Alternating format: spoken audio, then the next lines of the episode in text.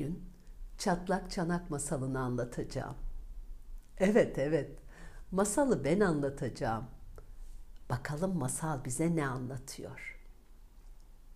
Bir varmış, bir yokmuş.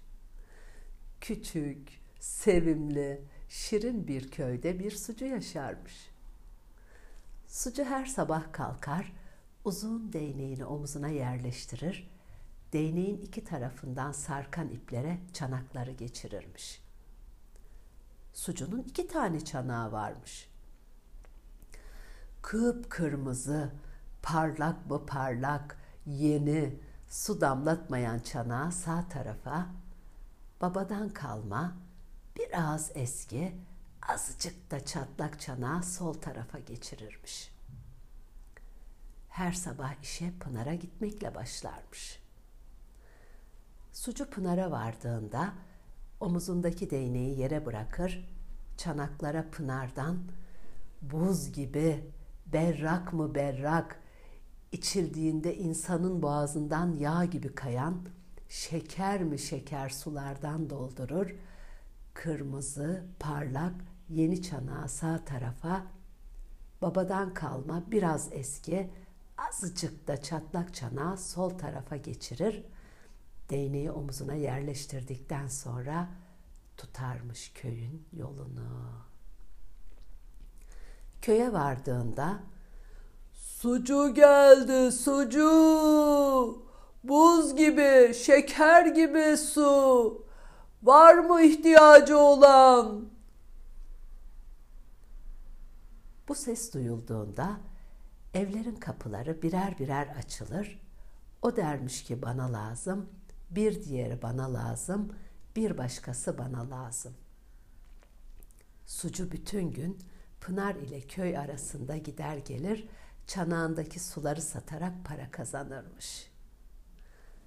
Tabi bu gitgeller sırasında çatlak çanak pıt pıt pıt diye su damlatırmış.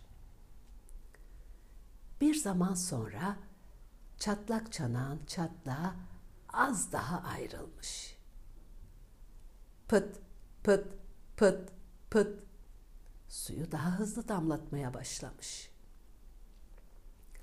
Gel zaman git zaman. Sucu iş bitiminde evine dönmüş. Omuzundaki değneği yere bırakmış. Öyle yorulmuş, öyle yorulmuş ki bir taşın üzerine oturarak alnındaki terleri silerken üzgün ve çatlak çanak "Efendim, ne olur, ne olur efendim, beni atın ve kırın. Ben eski ve çatlak bir çanağım. Benim yüzümden daha çok yoruluyor, daha az su taşıyorsunuz. Oysa ki benim yerime arkadaşım gibi kırmızı, parlak, yeni, su damlatmayan bir çanak alsanız daha az yorulur, daha çok su taşırsınız. Ben sizin işinize yaramıyorum. Ne olur beni kırın efendim. Sucu üzgün ve çatlak çanağa dönerek ya demek sen kendini böyle mi görüyorsun? Peki yarın sana bir şey göstereceğim. Üzgün ve çatlak çanak meraklanmaya başlamış. Ertesi gün sabahleyin sucu yeniden değneği omuzuna yerleştirmiş. Kırmızı, parlak, yeni çanağı her zaman olduğu gibi sağ tarafa, biraz eski, azıcık da çatlak çanağı sol tarafa yerleştirmiş. Pınar'a vardığında omuzundaki değneği yere bırakmış, Pınar'dan çanaklara buz gibi suları doldurmuş, kırmızı, parlak, yeni çanağı her zaman olduğu gibi sağ tarafa, babadan kalma, biraz eski, azıcık da çatlak çanağı sol tarafa geçirmiş. Değneği omuzuna yerleştirdikten sonra köye doğru yürümeye başlamış. Üzgün ve çatlak çanak çok meraklanmış. Acaba sucu ne gösterecek? Yolda yürürken Sucu üzgün ve çatlak çanağa dönerek Hey çatlak çanak bak bakalım yolun sağ tarafında neler görüyorsun bana söyle. Şey efendim toz, taş, toprak görüyorum. İyi. Şimdi de yolun sol tarafına bak ve bana neler gördüğünü söyle. Ot, çim, kır çiçekleri görüyorum efendim. Güzel. Sucu üzgün ve çatlak çanağa dönerek ya gördün mü çatlak çanak? Bu güzellikleri meydana getiren sensin.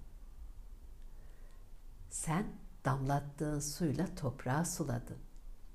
Toprakta uyuyan tohumu uyandırdın. Tohumu suladın, filiz verdi. Filizi suladın, kır çiçekleri oldu.